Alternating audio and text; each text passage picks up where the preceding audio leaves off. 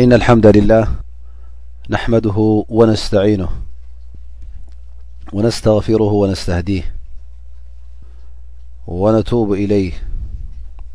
و نعوذ بالله من شرور أنفسنا و من سيئات أعمالنا من يهده الله فلا مضل له و من يضلل فلا هادي له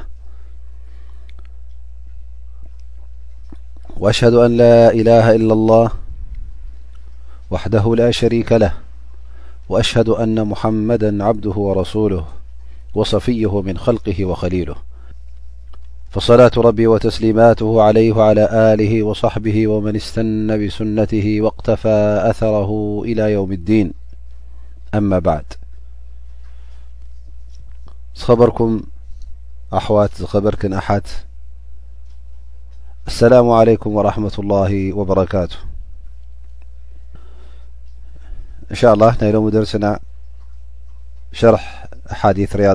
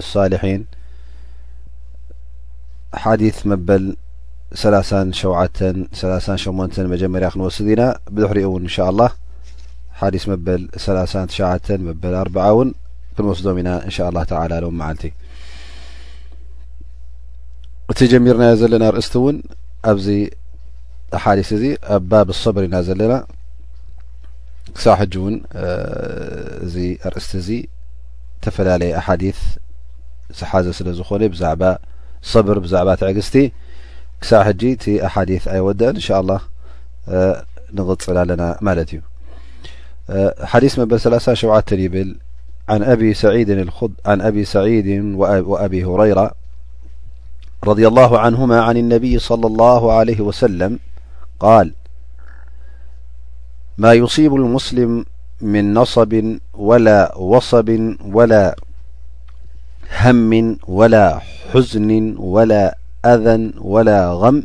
حتى الشوكة يشاكها إلا كفر الله بها من خطاياه متفق عليه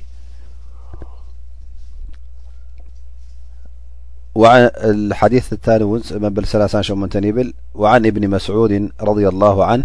قال دخلت على النبي صلى الله عليه وسلم وهو يوعك فقلت يا رسول الله إنك توعك وعكا شديدا قال أجل إني أووعك كما يوعك رجلان منكم قلت ذلك أن لك أجرين قال أجل ل كذلك ما من مسلم يصيبه أذا شوكة فما فوقها إلا كفر الله بها سيئاته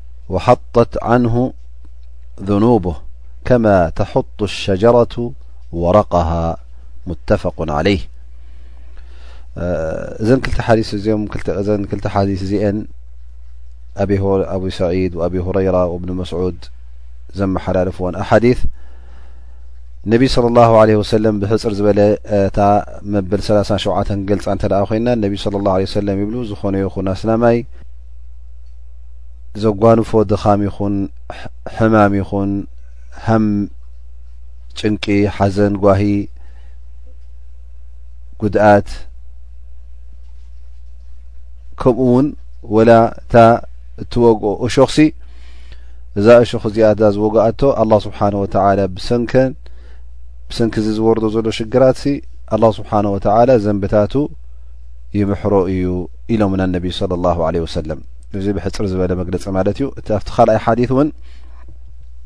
ዓብዱላህ ብኒ መስዑድ ረድ ላ ዓንሁ ይብሉ ሓደ ነቢ ስለ ላ ሰለም ትፀሊእዎም እንከሎ መፅየዮም ምስ ረኣኽዎም ይብል ብሓይሊ ይቕንዘዉ ነይሮም ወይ ከዓ እቲ ዝነበሮም ቃንዛ ብርቱዕ እዩ ነይሩ ሓያል ሕማም ነይርዎም ማለት እዩ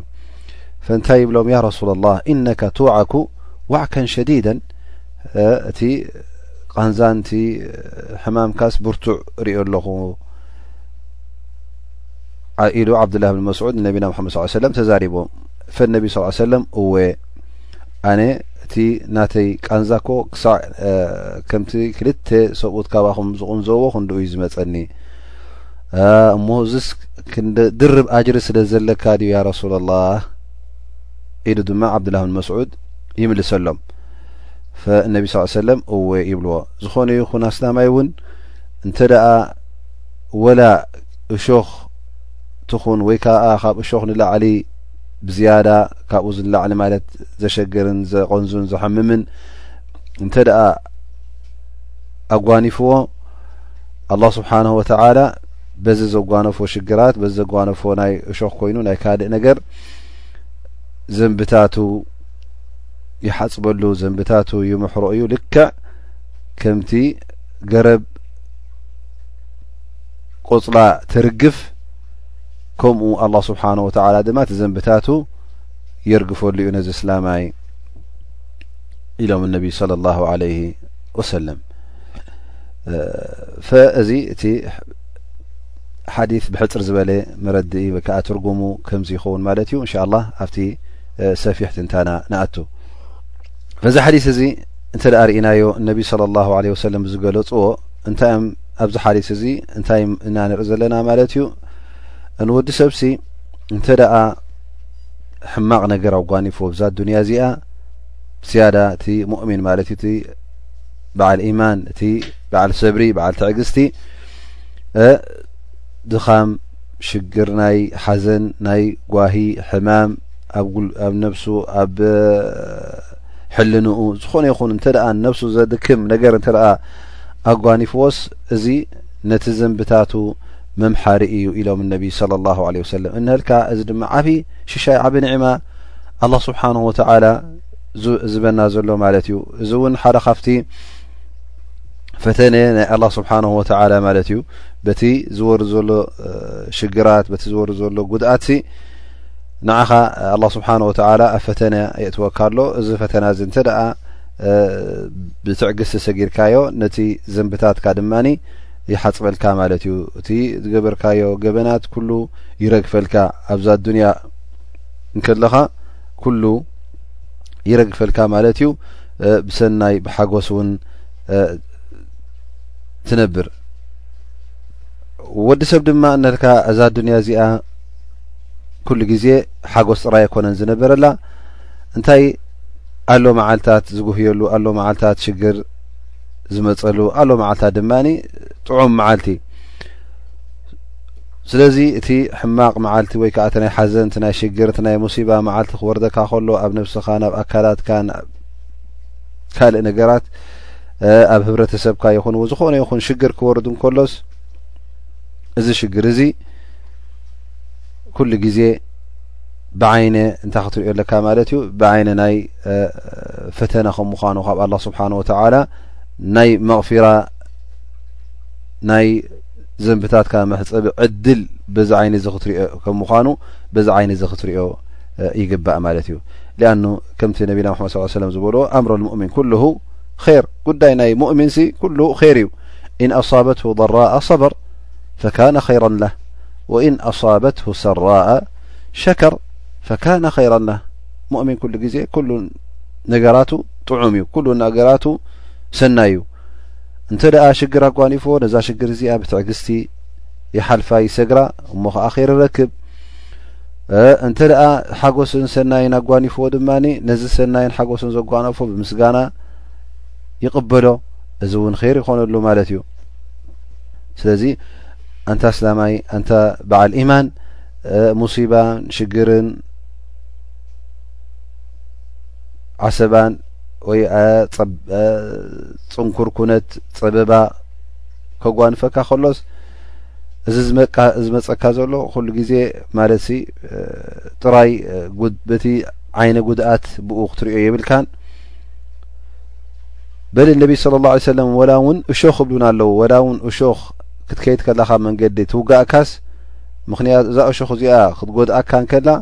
ኣላህ ስብሓን ወተዓላ ፅባሕ ንግሆስ ኣብ ክንዳኣ ሰናዩ ክፈድየካ ዘንብኻ ክሓፅበልካ እዩ ስለዚ እቲ ዝወርደካ ዘሎ ሽግራት ሲ ኩሉ ግዜ ሕማቕ ኣይኮነን ኩሉ ግዜ ክፉእ ኣይኮነን እንታይ ደኣ ፅቡቁ ሸነኽ እውን ከም ዘለዎ ክትዕዘብ ይግባኣካ ማለት እዩ ወዲ ሰብ ድማ እንተ ደኣ እዚ ሽግራት እዚ ክጓንፎ ከሎ ሰብሪ ገይሩ ኣብ ርእሲኡ ድማ እሕትሳብ ኣጅሪ ክገብር ከሎ ማለት ካብ ኣላ ስብሓን ወተላ ኣጅሪ ክፅበ ከሎ እቲ ሙሲባ ብክልተ ወገን ፋይዳ ይረክበሉ ማለት እዩ ብሓደ ወገን ሽግር እንተ ደኣ ኣጓኒፎ ሓደ ሰብ ሽዑ እቲ ዝፅበዮ ዘሎ ኣጅሪ ዘኪሩ እሞ እዛ ሙሲባ እዚኣ እዛ ወሪዳት ንዘላ ሽግርሲ ኣላ ስብሓን ወተላ ኣነ ሰብርን ትዕግስትን ገብር እየ ምእንቲ ኣላ ስብሓን ወተዓላ ምሕረት ክገብረለይ እዛ ሽግር ወይዳትኒ ዘላ በቲ ሓደ ሸነኽ ድማ ኣጅሪ ምእንቲ ክረክበላ እንተ ኢሉ ንህልካ ዳእሲ ክልተ ፋይዳ ክረክበላ እዩ በቲ ዘንብታት ናቱ ይሕፀበሉ በቲ ሓደ ሸነኽ ድማ ኣጅሪ ናቱ ይበዝሓሉ ማለት እዩ እዚ መዓስ እዩ እንተ እቲ ሽግር ክወርድ ከሎ እቲ ኣጅሪ ትረኽቦን እቲ ሰናይ ትረኽቦን ትዕግስቲ እንተ ጌርካ እንተ ዘኪርካ ማለት እዩ ገለ ሰባት ግን ይርስዕ ሽግር ከጓንፎ ከሎ እዚ ሽግር እዚ ስለ ዝኸብዶ ዓቕሉ ይፀቦ ዓቕሉ ስለ ዝፀቦ ድማ ፅቡቅ ገይሮ ክሓስብ ኣይክእልን እዩ ስለዚ ካብዚ ሽግር እዚ ብ ብልጫ ክወፅእ ረሲዑ ከንፀርፅር ምስ ተረኸበ ትዕግስቲ እንተደኣ ዘይገበረ እሕትሳብ እንተደኣ ዘይገበረ እቲ ኣጅሪ ናቱ ይተርፎ ኣሎ ማለት እዩ ላኪን እንተ ደኣ እቲ ወሪድዎ ዘሎ ሽግር እቲ ወሪድዎ ዘሎ ሕማቕ ነገር ግን ነቲ ዘንብታት እውን እውን ይድምስሰሉ እዩ ምክንያቱ እቲ ጉድኣት ንገዛእ ርእሱ ተክፊር ሊዙኑብ ስለ ዝኾነ እቲ ዘንቢ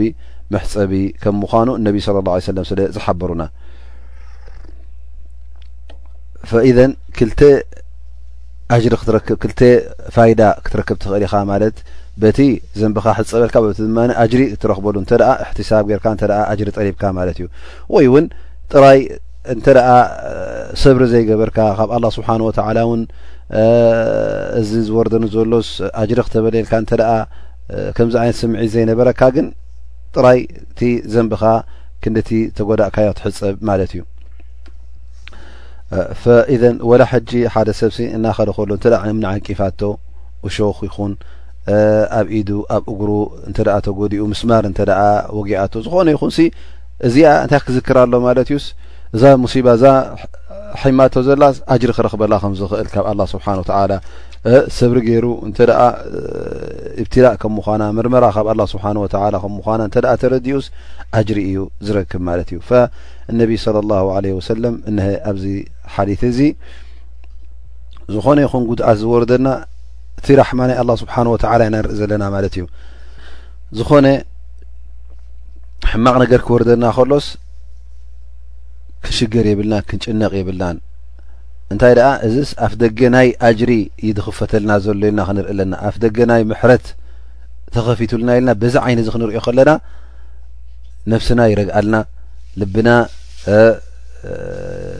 የዕርፈልና ኢማንና ድማ ይተረረና። እቲ ረቢ ዝኸተቦ ድማ ኩሉ ግዜ ኣይሓልፈካን እዩ። እንተ ረቢ ከቲቡልካ ሕማም እንተ ኮይኑ ሞት እንተ ኮይኑ ሽግር እንተ ኮይኑ ድኽነት እንተ እቲ ረቢ ከቲብዎ ዘሎ ኩሉ ግዜ ኣይተርፈናን እዩ። ስለዚ ነቲ ዝወርደና ዘሎስ ብትዕግስቲ ደኣ ክንገጥሞ ኣለና ደኣ እምበር ብምንፅርፃር እንተ ገጢምናዮስ ካብ ኩሉ ኢና ጥራይ ኢድና ንተርፍ ዘለና። ኣይቲ ወሪዱና ዘሎ ሽግር ተላዒሉ ኣይ ኣጅሪ ድማ ደሊብናሉ እዚ ተን ክልተ ሓዲስ ክኸውን ከሎ ናብተን ካልኦት መበል ሰላሳ ትሸዓተ መበል ኣርባዓን ድማ ሓዲስ ናብአን ንሓልፍ ማለት እዩ ልክዕ እዘን ሓዲስ እዚአን እውን ኣብቲ ትሕቲ ናይቲ ኣርእስቲ ሒዝናዮ ዘለና ባብ ሰብር ናይ ትዕግስቲ ኣርእስቲ ኣብኡ ዝቕፅላ እየን ን ኣብ ሁረይረ ረድ ኣላሁ ን قال قال رسول الله صلى الله عليه و سلم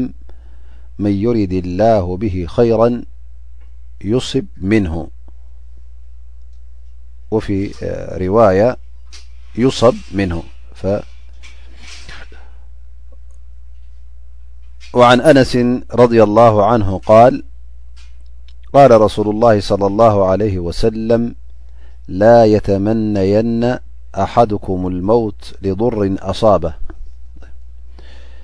فإن كان لا بد فاعلا فليقل اللهم أحيني ما كانت الحياة خيرا لي و توفني إذا كانت الوفاة خيرا لي እዚኦም ክልተ ሓዲስ በበ ሰላሳን ትሽዓተን ኣርብዓን ማለት እዮም እቲ ቀዳማይ ሓዲስ ሓፂር እዩ ኣብ ሁረይራ ዘመሓላልፎ ይብል ነቢ ስለ ላሁ ለ ወሰለም ይብሉ ሓደ ሰብሲ ኣላ ስብሓን ወተዓላ እንተ ደኣ ኼር ደልይሉ ኮይኑ ገለ ሽግር እውን የውርደሉ እዩ እዚ እቲ ሓዲስ እቲ ካልኣይ ድማ እቲ ካልኣይ ሓዲስ ብሕፅር ዝበለ ድማኒ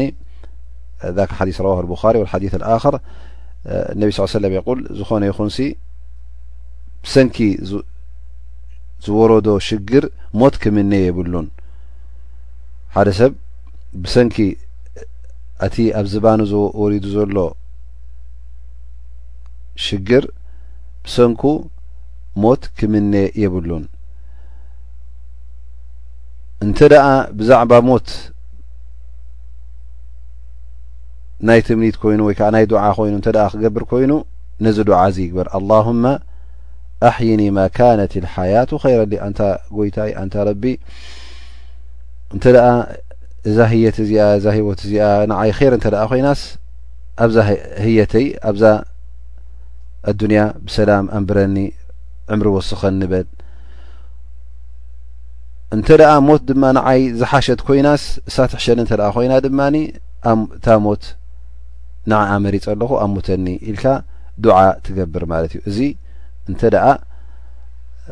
ክትብል ደሊኻ ማለት እዩ ብዛዕባ ናይ ሞትን ናይ ህየትን ምርጫ ክትዛረብ እንተ ደኣ ኮይንካ እዚኦም እዮም ክቶም ክልተ ሓዲስ ብሕፅር ዝበሉ ናይ ኣተረጓጉማ ናቶም እንሻኣላህ ኣብቲ ትንተናና እንሻኣላህ ንኣቱ ማለት እዩ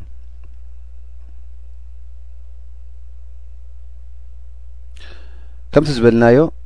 እዞም ሓዲስ እዚኦም ብዛዕባ ኣጅሪ ናይ ትዕግስቲ ናይ ሰብሪ እሞ ከዓ ተዓጊስካ ሽግር ኣጓኒፉካ ካብ ኣላ ስብሓን ወተላ ናይ መቕፊራን ናይ ኣጅርን ትፅቢት ጌርካ ትዕግስቲ ክትገብር ከለኻ እዚ ነገር እዚ ዓቢ ከም ምዃኑ ዘርእያ ማለት እዩ ፍላ ስብሓን ወተላ እቲ ከምቲ ቀዳማይ ሓዲስ ዝተጠቀሰ እንተ ደኣ ንወዲ ሰብ ኼር ደልዩሉ ገለ ሙሲባ የውርደሉ ማለት እዩ ገለ ሰባት ምናልባሽ እንተ ኣብዛ ዱንያ እዚኣ ሽግር ኣጓኒፋቶም ወይ ከዓ ሙሲባ ኣጓኒፋቶምሲ እንታይ ይመስሎም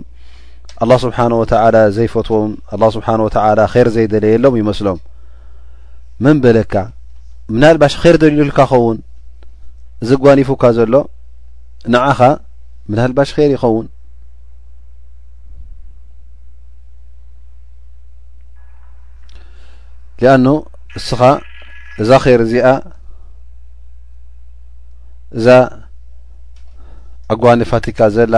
ሽግርሲ መገዲ ተውባ ትኸፍተልካ ትኸውን ናብ ረቢ ትመልሰካ ትኸውን ብዙሕ ዘንብታት ዝነበረካ ብሰንካ ይሕፀበልካ ይኸውን ስለዚ ዝኾነ ይኹን ሕማቕ ነገር ወይ ከዓ ሽግር ከጓንፈካ ከሎ ናይ ድኽነት ናይ ሕማም ናይ ገለስ ረቢ ንዓይሲ ከሸግረኒ ኢሉ ንዓይ ጸሊኡኒ ኢልካ ክትሽገር የብልካን ዓቕዓቕልኻ እውን ክተጻብብ የብልካን ብኣንጻሩ እንታይ ክትከውን ኣለካ ማለት እዩ እዚስ ረቢ ፈትዩኒ እዩ ምናልባሽ ኣላ ስብሓን ወተላ ኣነ ዘይፈልጦ ዘንብታት ክሓፅበለይ ደልዩ ኢልካ ናብኡ ደኣ ክትውጃህ ኣለካ ናብኡ ክተተኩር ኣለካ ዳኣ እምበር ሰብርን ትዕግስትን ክትገብር ኣለካ ዳኣ እምበር ነቲ ነገርሲ ብጸሊም ዓይነ ክትሪኦ የብልካን ላኪን እንተ ደኣ ሓደ ሰብ በቲ ዝወርዶ ሽግራት ሰብሪ ዘይገብር እንተ ደኣ ኮይኑ እንታይ እዩ ጥራይ ኢግዲ እዩ ክወፅእ ደኣኑ እዛ ኣዱንያ እዚኣ ከምታ ዝበልናዮ ካብ ሽግራት ካብ ሙሲባታት ካብ ፈተናታት ደው ኣይትብልን እያ ቀጻሊ እዩ ምስቲ ማዳም ኣብዛ ሂወት ኣዱንያ ኣለካ ኮንካ ናይ ግድን ገለ ሕማቕ ነገር ከጓንፈካ እዩ ሕማም ኣሎ ድኽነት ኣሎ ትፈትኹም ሰባት ይሞቱኻ ቤተሰብ ኣቦ ውላድ እዚታት ኩሉ ኣሎ ማለት እዩ ስለዚ ኣብዛ ኣዱንያ እዚኣ ሚእቲ ካብ ሚእቲ ብሰናይ ብዕረፍቲ ብሓጎስ ዘሕልፋ የለን ናይ ግድን ሙሲባካ ትመፀካ ማለት እዩ እቲ ሙሲባ ክወርድ ከሎ ድማ ናብ ኩሉ እዩ ዝወርድ ሓታ እቶም ክሓድቲ እውን እቶም ብኣላ ስብሓን ወተላ ዘይኣምኑ ከምኡ ከምቲ እስላማይ ዝወርዶ ነቲ ሙእሚን ነቲ ፈራህ ረቢ ነቲ ብኣላ ስብሓን ወተላ ዝኣምነ መነሰብ እውን ከምኡ ንዕኦም እውን ይወርዶም ማለት እዩ ግን እዞም ሰባት እዚኦም በቲ ዝወርዶም ሽግራት በቲ ዝወርዶም ሙሲባታት ምንም ኣይጥቀሙን እዮም ምክንያቱ ኣብቲ ክሕደቶም እዮም ዝቕፅሉ ክሳዕ ግዜ ሞቶም እዚ ሽግር እዚ ግን ር ኣይከተበሎምን ማለት እዩ ኣላ ስብሓን ወተላ ር እዚ ሽግር እዚ ንር ነይሩ ተዝኸውን እዞም ሰባት እዚኦም ካብቲ ዘለዎ ክሕደት ናብ እምነት ምመፁ ነይሮም ማለት እዩ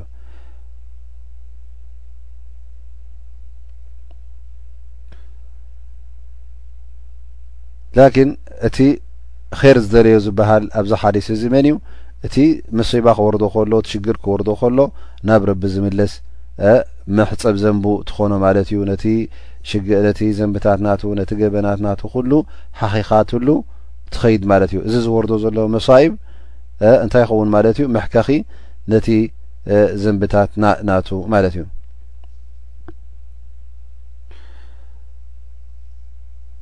ኣብ ኣዱንያ ዝወርደካ ሙሲባ ውን ምስቲ ናይ ኣኼራ ሽግራት ከተመዛዝኖ ወይ ከኣ ከተረኣእዮ እንከለኻ ሰማይን ምድርን እዩ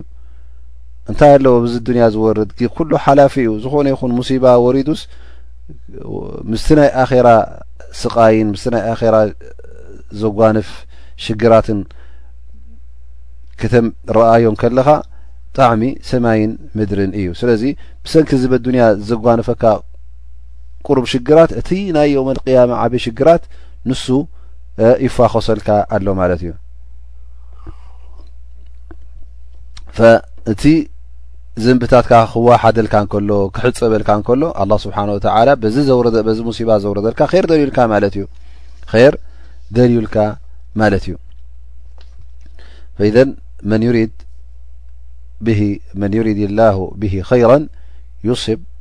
ሚንሁ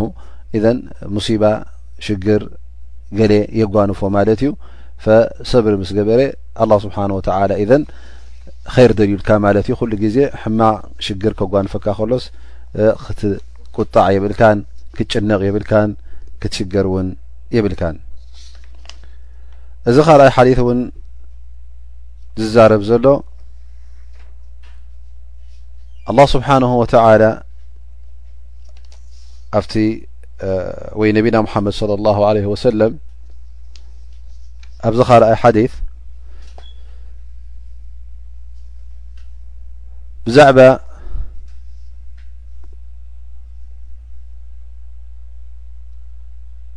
ወዲ ሰብ እንተ ደኣ ሽግር ኣጓኒፍዎስ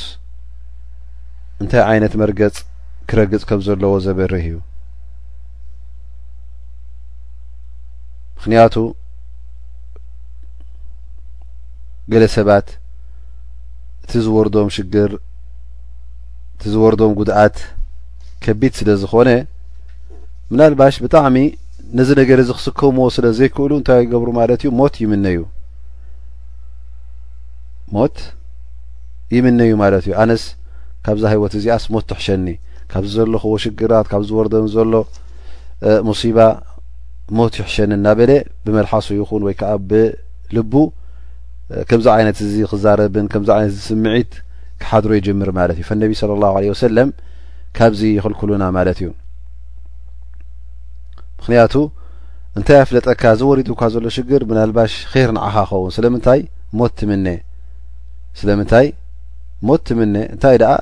ኣንታ ረቢ እዚ ውሪድካለይ ዘለኻ ሰብርስ ንኣጅሪ ግበረለይ እዚ ውሪድካለይ ዘለኻ ሽግርን እዚ ወሪድካለይ ዘለኻ ጸበባንሲ ንኣጅሪ ግበሮ ኣነ ድማ ትዕግስቲ ንክገብር ሰብሪ ንክገብር ሓግዘኒ ኢልካ ዱዓ ክትገብር ኣለካ ደኣ እምበር ኣንጸርጺርካ ክሳዕ ሞት ክትምነስ ኣይፍቀድን እዩ እዚ ሓራም እዩ ኣላ ስብሓን ወተዓላ ኣይፍእትዎን እዩ ምክንያቱ እስኻ እብ ሞት ትትምነ ዘለኻስ እንታይ ኣፍለጠካ ኣብዛ መዓልቲ እዚኣ ኣብታ ትትምነያ ዘለኻ መዓልቲ እንተ ሞትካስ ትጽበየካ ዘሎ ካብቲ ዘለኻዮ ዝኸፍእ እንተኾነስ እንታይ ኣፍለጠካ ድሕሪ ሞት ዝርከብ እንታይ ከም ዘሎስ ዕረፍቲ ድዩ ወይስ ሸቃ ቅርሰት ቅርሲ ሰ ድዩ እንታይ ኣፍለጠካ ምናልባሽ ቅርሱስ ትኸውን ምናልባሽ ዓዛብ ላ ስብሓን ወተላ ስቃይ ኣላ ስብሓን ወተላ ጽበየካ ህሉ ኸውን ስለዚ እንታይ ሒዝካ ኢኻ ንሞት ትትምነ ዘለኻ እታ ድሕሪ ሞት ዘላስ መንከ ካብዛ ዘለኻያ እሳ ትበልጽ ኢሉካ እዩ ዕረፍቲ ኣሎ መን ኢሉካ ኣብኣ ብድሕርዛ ሞት እዚኣ ዕረፍቲ ክትረክብ ኢኻ ስለዚ ሞት ትበሃልሲ ብሰንኪ እቲ ዝወርደካ ዘሎ ሽግር ኣብ ኣዱንያስ ክትምነ የብልካን ምክንያቱ ምናልባሽ ክትመውት ከለኻ ዓዛብ ቀብሪ ጽበየካ ህሉ ዓዛብ ናይ ኣኼራ ይጽበየካ ህሉ ስለዚ ከምዚ ዓይነት እዚ ትምኒት ክህልወካ የብሉን እዚ እውን እነቢ ስለ ላሁ ለ ሰለም ከልኪሎምካ እዮም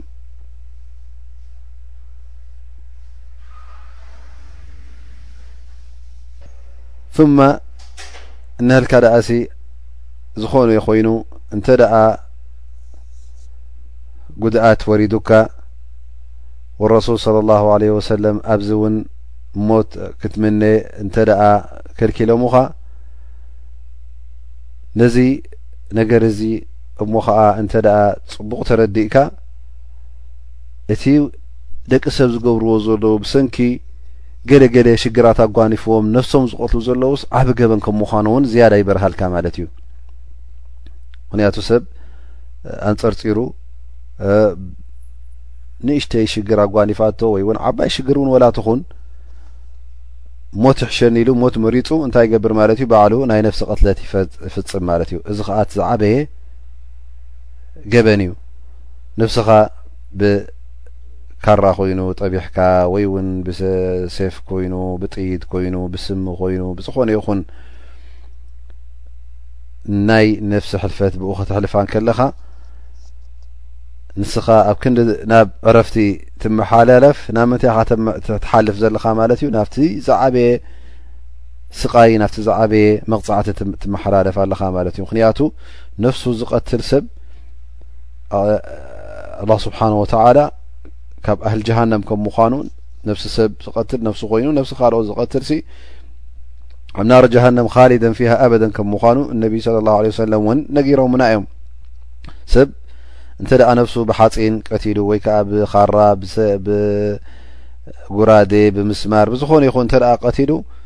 ኣብ ዮም ልቅያማ ኣብቲ እሳተ ጀሃንም ምስ ኣተ ውን በታ ንነፍሱ ዝቐተላ ብኣ ነዛ ነፍሱ እዩ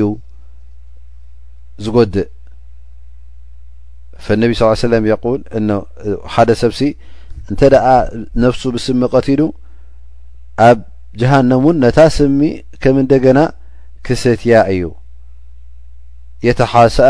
የተሓሳኣሃ ፊ ናሪ ጀሃነም ወመን ቀተለ ነፍሰሁ ብተረዲ ምን ጀበል ፈኢነሁ ዩንሰብ ለሁ ጀበሉ ፊ ጀሃነም የተረዳ ምን ንፍሱ ውን ካብ ዝባን ጎቦ ካብ ዓብዪ ህንፃ ኮይኑ ካብ ነዊሕ ቦታ እንተ ደኣ ነፍሱ ኣፅዲፉ ቀዲልዋ ኣላ ስብሓን ወተዓላ ኣብቲ እሳተ ጀሃነም ውን ልክዕ ከም ኣፅድፊ ይኸልቀሉ ኣብቲ ጀሃነም ክጸድፍ እዩ ዘሕልፎ እቲ ኩሉ ስቃይ ናቱ ከምኡ ውን ብሓጺን ብገለ እንተ ቀቲሉ በታ ነብሱ ዝቀተላ በዱንያ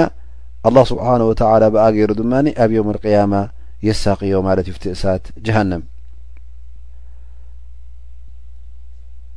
ፈነቢ صለ ላሁ ለህ ወሰለም እነሀልካ ደኣሲ ኣብዚ ሓዲስ እዚ እንተ ደኣ ከምዚ ዓይነት እዚ ሽግራት ኣጓኒፉካስ ኣብ ክንዲ ሞት ትምነ እንታይ ክትብል ከም ዘለካ ውን መንገዲ የርእዩካ ኣለዉ ማለት እዩ ሊኣኑ ኩሉ ግዜ ኣብቲ ሸርዒ እስልምና እንተ ርእና ኣብ ነቢ ስ ሰለም ይኹን ኣብ ቁርን እንተ ርእና እቲ ክልኩል ነገር ክጥቀስ እንከሎ እንታይ እቲ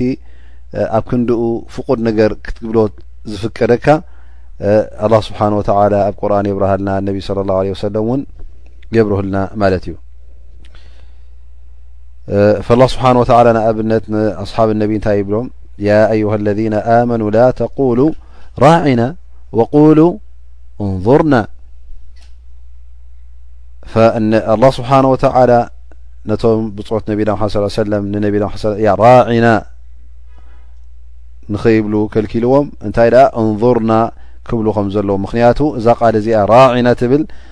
እቶም ከሓድቲ እቶም ኣይሁዳውያን ን ኣብቲ ቋንቋናቶም ሕማቕ ትርጉም ስለ ዝነበራ ነዛ ቃል እዚኣ ይደጋግምዋ ነይሮም ያ ረሱላ ላህ ራዒና ይብሉ ነይሮም ማለት እዩ ሕማቕ ትርጉም ስለ ዝነበራ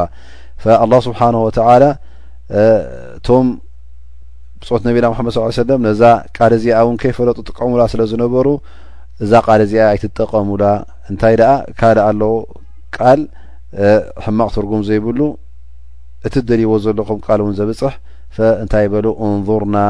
በሉ ኢኹም ኢልዎም ኣላ ስብሓንሁ ወተዓላ ከምኡ ውን ነቢና ሙሓመድ ስለ ላሁ ለ ወሰለም ሓደ ግዜ ፅቡቕ ተምሪ ሪኦም ማለት እዩ እሞ እዚ ተምሪ ደኣ ካበይ እዩ መፅኡ ካብ ከይበር ናይ ከይበር ተምሪ ኩሉ ከምዚ እዩ ኢሎም ሓቲቶም ማለት እዩ ፈእቶም ኣስሓብ ነቢ ስ ሰለም ኣይ ኣይኮነን እንታይ ደኣ ንሕና ነዚ ፅቡቕ ተምርስ በቲ ሕማቕ ተምሪ ብኡ ንላወጥ ኢና ሓደ ስፍሪ ምስ ክልተ ምስ ሰለስተ ስፍሪ ንለዋውጦ ኢሎም ማለት እዩ ፈነቢ ስ ሰለም እዚ ናይ ሓረጣ ኣገባብ እዩ እሞኒ ከምዚ ኣይትግበሩ እንተ ደኣ ፅቡቕ ተምሪ ደሊኹም እሞ ከዓ እቲ ምሳኹም ዘሎ ሕማቕ ተምሪ እንተ ኮይኑ መጀመርያ እቲ ተምሪ ናትኩም ሽጡ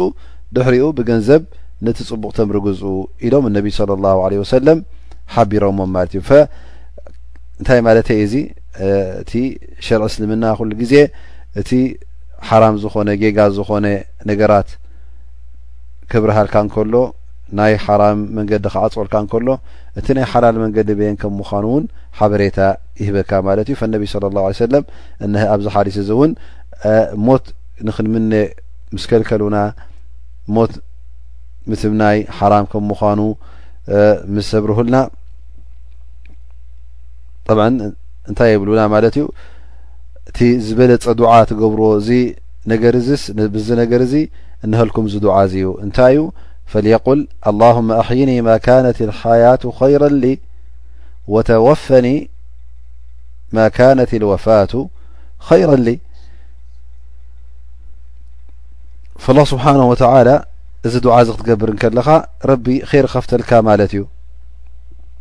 ምክንያቱ ሞት ክትምነ ከለኻ እንታይ ኢኻ ትርኢ ዘለኻ ማለት እዩ ናይ ዓቕሊ ፅበት ኢኻ ትርኢ ዘለኻ እሞ ከዓ ስብሪ ከምዘይብልካ እቲ ወሪዱካ ዘሎ ደስ ከምዘይበለካ ደስ ኢሉካ እውን ኣይቅበሎን ኢልካ ኣንፃርቲ ፅሑፍቲ ኣላ ስብሓን ወተዓላ ኣንፃሩ ትንቀሳቀስ ከም ዘለካ እዩ ዘርኢ ማለት እዩ እዚ ዱዓ እዚ ግን ኣላሁመ ኣሕይኒ ማካነት ልሓያቱ ኸይረን ሊ ወተወፈኒ ማካነት ልወፋቱ ኸይረን ሊ ክትብል ከለኻ እቲ ጉዳይ ኩሉ ንመን ትገድፎ ኣለኻ ማለት እዩ ንኣላ ስብሓንሁ ወተላ ኩሉ ጉዳይካ ናብ መን ተፀግዖ ኣለኻ ናብ ኣላ ስብሓን ወተላ ኣንታ ጎይታይ ኣንታ ረቢ እንተ ደኣ እታ እዛ ኣዱንያ እዚኣ እዛ ሓያት ኣዱንያ እዛ ህየት ናይ ኣዱንያ እንተ ኣራ ኣለዋ ኮይና ዓይሲ እሞ ፅቡቕ ኣብኣ ኣንብረኒ ኣሕውየኒ ኣሕየኒ ህየት ሃበኒ ህየት ኣልብሰኒ እሞ እንተ ደኣ ግን እታ ሞት ትሕሸኒ ድማ ኮይና እሞ ኣሙተኒ ኢልካ ዱዓ ትገብር ማለት እዩ እዘን እቲ ጉዳይ ናብ መን ተፀግዖ ኣለካ ማለት እዩ ናብ ኣላ ስብሓን ወተላ ምክንያቱ እቲ ሞት ምትምናይ ክበሃል እንከሎ እንታይ ማለት እዩ እስኻ ቀልጢፍካ ካብዛ ኣዱንያ ታህየትካ ክትቁረፅ ኢካ ደሊ ዘለካ ዕድሜካ ክሓፅር ኢካ ትምነ ዘለካ እዚ ድማ እዚ ናይ ዕድመ ምሕጻር ምናልባሽ ካብ ብዙሕ ጽቡቕ ነገራት ካብ ኼር ዝኾነ ነገራት የትርፈካ ግዜ ኣላ ስብሓን ወተዓላ ነቲ እቲ ሂቡካ ዘሎ ግዜ ናይ ቶባ ንዑ ተቋርጽ ኣለኻ ማለት እዩ ሰናይ ተግባራት ዝያድ ኣዕማል ሳሊሓ ክትገብሮ ትኽእል ነበርካ ጽቡቕ ተግባራት እውን ይተርፈካ ኣሎ ማለት እዩ ሊኣኑ ሓታ ፍ ሓዲት ጃ ማ ምን መይትን የሙቱ ኢላ ነዲም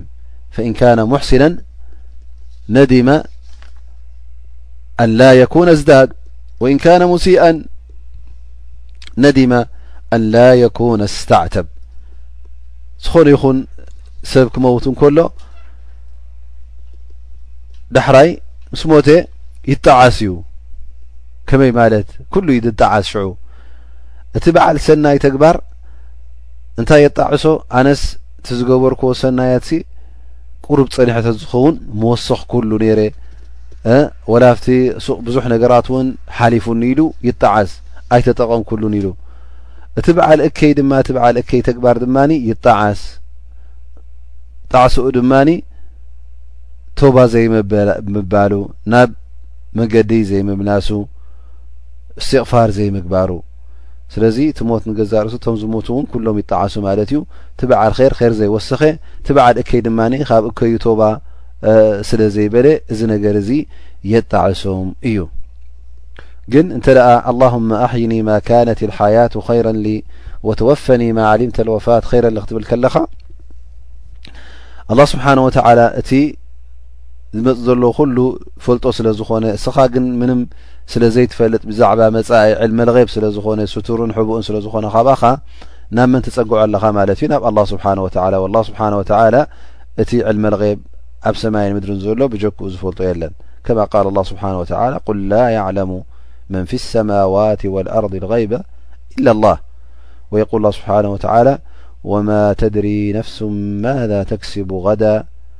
ወማ ተድሪ ነፍሱ ብኣይ ኣርድን ተሙት ፈኢዘን ኣንታ ወዲ ሰብ ንስኻ እታ ህየትካ ኼር ኣለዋ ዶ ኼር የብላን ኣይትፈልጣን ኢኻ እታ ሞትካ ኼር ኣለዋ ዶ ኼር የብላን ኣይትፈልጣን ኢኻ መን እዩ ዝፈልጣ ኣላ ስብሓን ወተዓላ ኣብዛ ዘለኻያ ሰዓት እታ ሞት ንዓኻ ብልፅቲ ድያ ብልፅቲ ይኮነትን ንስኻ ትፈልጦ ነገር የብልካ ስለምንታይ ሞት ትምነ ምናልባሽ ትሓየት ሓይሽ ትኸውን ንዓኻ ዕድሜኻ ወሲኽካ ኣጅሪ ትረክብ ር ትገብር ሰናይ ትገብር ስለዚ ሓደ ሰብ ን ዱዓ ክገብር ከሎ ንሰብ ኩሉ ግዜ ንሕና ዕምርኻ የንውሓየልና ዱዓ ንገብር ኢና እንሻ ላ ይጠውል ዕምሮ ክትብሎ ማለት ሓደ ሰብ ግን ትዕድመ ምናሕ እንተ ኣብ ማዕስያን ኣብ እከይ ተግባር እተ ኮይኑ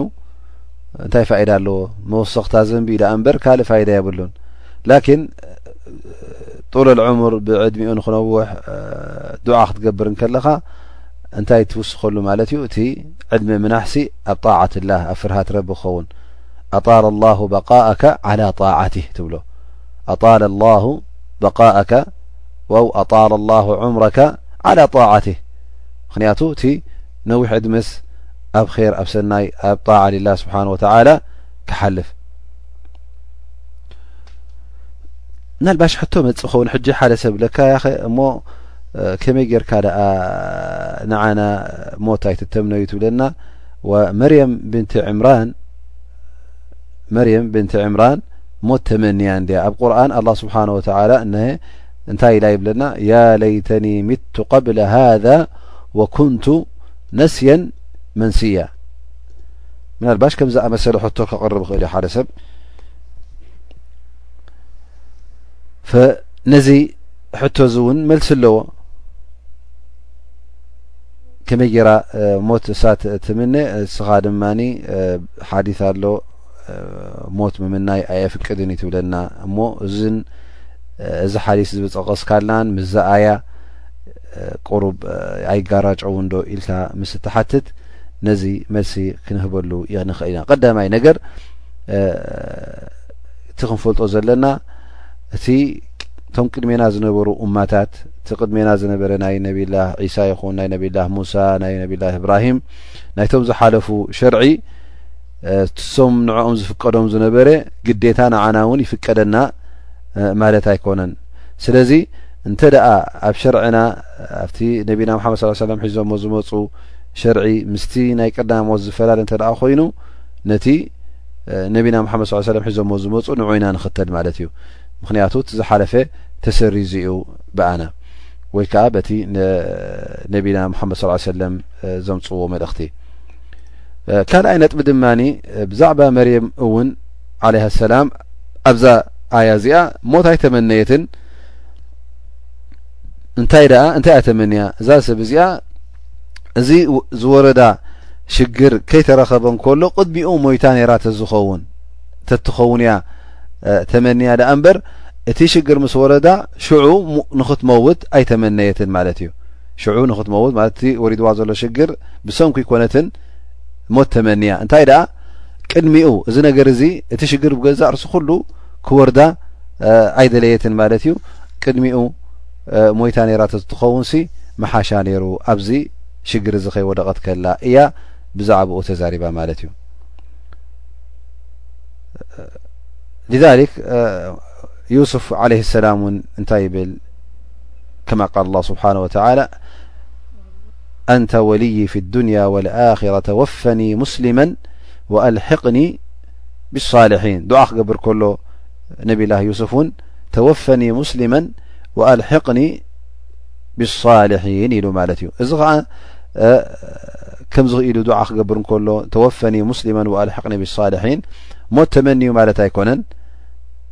እንታይ ደኣ ኣላ ስብሓን ወተዓላ ክመውት ከለኹስ ኣብ መንገዲ ፅንሓኒ ኣብቲ ኣስልምና ኣብቲ መገዲ ሓቂ ኣብ ተውሒድ ኣብ እክላስ ፈቲኻለይ ከለኻ ረዲኻለይ ከለኻስ ኣብ መገዲ ፅንሓኒ እዩ ዝብል ዘሎ ዳኣ እምበር ማለት ሞት ምምናይ ኣይኮነን እዘን ተወፈኒ ሙስሊማን ክብል እንከሎ ኣንታ ረቢ ኣብ እስልምና ከለኹ ኣብቲ ቅኑዕ መንገዲ ከለኹ ከይተጋገኹ ከለኹስ ውሰደኒ እዩ ዝብል ዘሎ ማለት እዩ ፈዘን ናይ ሞት ትምኒት ኣይኮነን እንታይ ደኣ እቲ ትምኒቱ ክመውት እንከሎስ ኣብ መንገዲ ክጸንሕ እዩ እቲ ዘረባ ዘሎ ማለት እዩ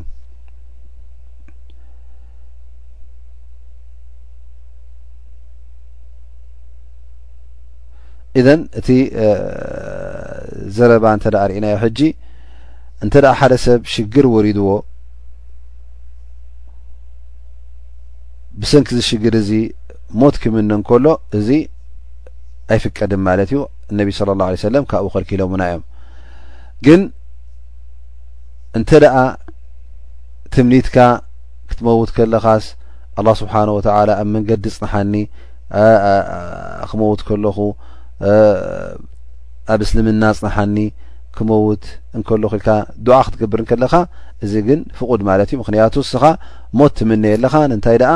ኣብ መንገዲ ክጸንሕ እታ ሞት ኣይትተርፍን እያ እሞኒ እታ ሞት ክትመጽእ ከላስ ዓለ ልእስላም ዓለ ልሓቅ ክጸንሕ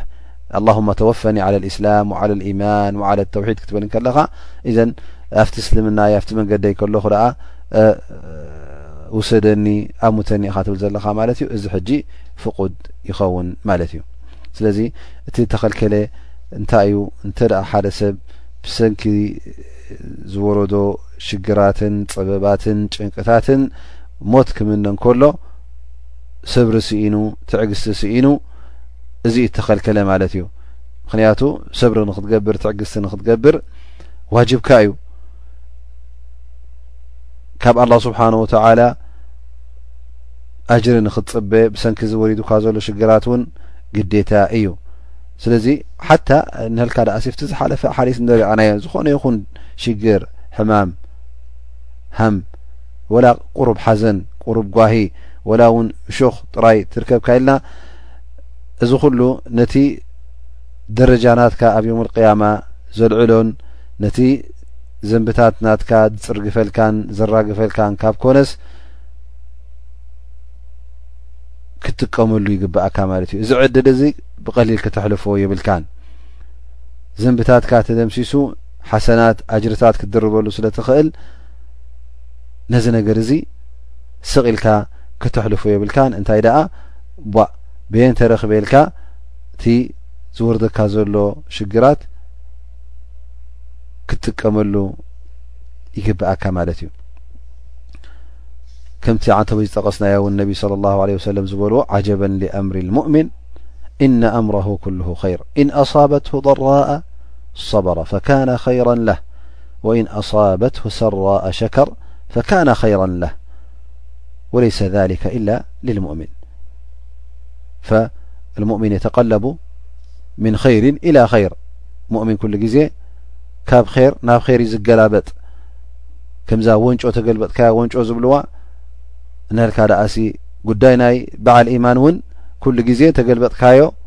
ናብ ር ዩ ዝግልበጥ ካብ ር ናብ ር ብዓይነ ግዳም ንኣብነት ሓደ ሰብ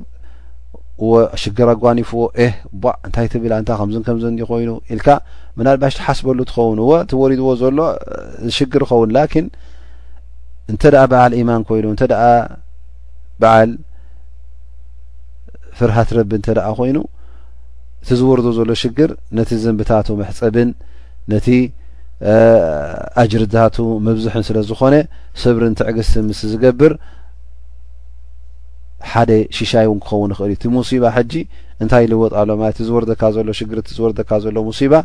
ኒዕማን ሽሻይን ይልወጥ ኣሎ ማለት እዩ ጸጋይ ጠኡ ይልወጠልካ ኣሎ ማለት እዩ ፈኢዘን እዚ እውን መን ይረኽቦ በዓል ኢማን በዓል ሰብሪ ፈራህ ረቢ እዩ ዝረኽቦ ደኣ እምበር ኩሉ ይኮነን ዝረኽቦ እንተ ደኣ ኸይር ትረኺብካ ድማ ረቢ ስብሓን ወተዓላ ሽሻይ ገይሩልካ ውላድ ሂቡካ ርዝቂ ሂቡካ ኣልሓምዱሊላህ ክትብል ከለካ ድማ ንህልካ ደኣሲ ኣብ ር ኣልሓምዱሊላህ ዝብል ድማ ኩሉ ይኮነን ክንደይ ኣለዉ መዓት ሽሻይ ኣላ ስብሓን ወተላ እናነዝሓሎም እንከሎ ወላ ሓንቲ መዓልቲ ንጎይታ ኣልሓምዱሊላህ ተመስገን ኢሎሞ ይፈልጡን እዮም ወላ ሓንቲ መዓልቲ ብር ዘኪሮሞ ይፈልጡን እዮም ወላ ሓንቲ መዓልቲ እውን ርእስ ንመማድኒኖም ሰጊዶም ኣይፈልጡን እዮም እዚ ኩሉ ኣብቲ ኒዕማ ናይ ጎይታ ናይ ኣላ ስብሓን ወተላ